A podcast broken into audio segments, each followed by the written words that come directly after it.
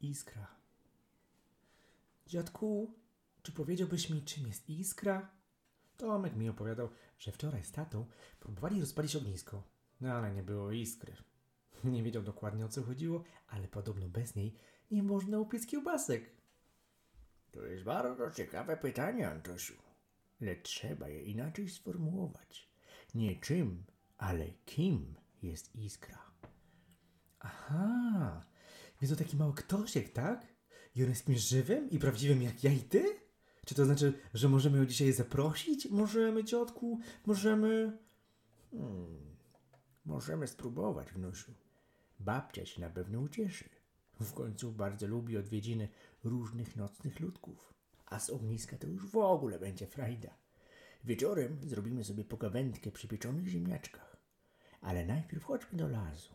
Pozbieramy trochę suchych gałęzi, a nóż jakiś grzyb też wpadnie do koszyka. Kiedy słońce zaczęło zachodzić, dziadek wraz z Sandkiem przygotował według starego, indyjskiego sposobu sosnowe drwa. Rozłożyli koce dookoła i zawinęli w złotko kilka świeżych ziemniaczków. Miało być niespodzianką dla babci. Lubili sobie robić takie zaskakiwanki. Po chwili zawołali ją oboje. Przyniosła śliwkowy kompot i usiadła wtulona w dziadka. Wydawała się wówczas małą kulką, pomyślał Antoś. Kiedy już ognisko buchało na wszystkie strony, dziadek zaczął swoją chybajkę. Zapytałeś o iskrę, Antku, więc nadszedł teraz czas na krótką legendę. Otóż dawno, dawno temu druidzi opowiadali, że iskra przychodzi zawsze po cichu. Stąpa szeptem po mchu, jakby miała z nim jakieś układy. Dlatego można jej nie usłyszeć. Kiedy nastaje czarna noc jak ta i słońce chowa się za horyzontem, wówczas jest szansa posłuchać, jak ze sobą rozmawiają nocni kochankowie. On ma na imię księżyc, ona zwie się Iskra. Dziadku, podziwu szepnął Antoś, kim są kochankowie i dlaczego babcia się lekko zarumieniła w uśmiechu? Bo widzisz, babcia jest pełna śmiechu i czasem musi go wypuścić na spacer. A kochankowie to dwie osoby, które troszczą się o to, aby ich serca wciąż bawiły się razem, niezależnie od tego, ile zim już przeżyli. Pasują do siebie jak kawa ze śmietanką i często wyrażają to wspólnym śmiechem. Aha, czyli to tak jak ty i babcia, prawda? Często widzę, jak babcia puszcza ci oko, dziadku, a potem uśmiecha się tak słodko, jak właśnie ta śmietanka.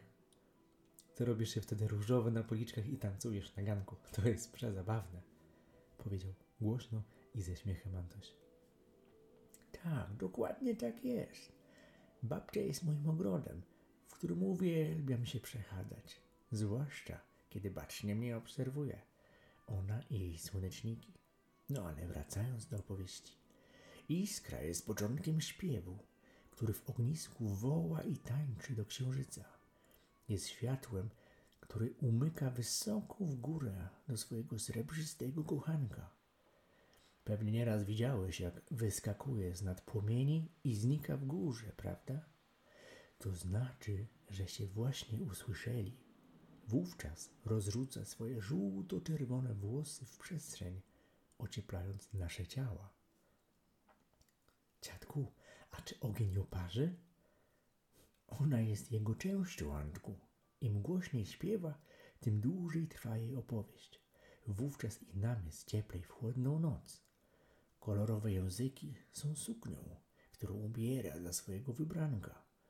Księżyc natomiast zalotnie puszcza jej oko, zasłaniając się przepływającymi grafitowymi kumulusami. Hmm, to już chyba rozumiem, dziadku, kim jest Iskra. To taka nocna wróżka, która opiekuje się księżycem, prawda? A on świeci dla niej swym ciepłym, nienachalnym blaskiem.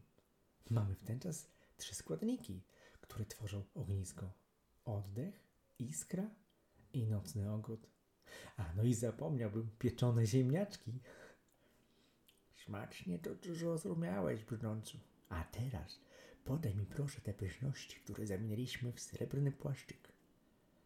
Dziadek puścił oko do babci, która słuchała tej opowieści z iskrzącym się serduchem.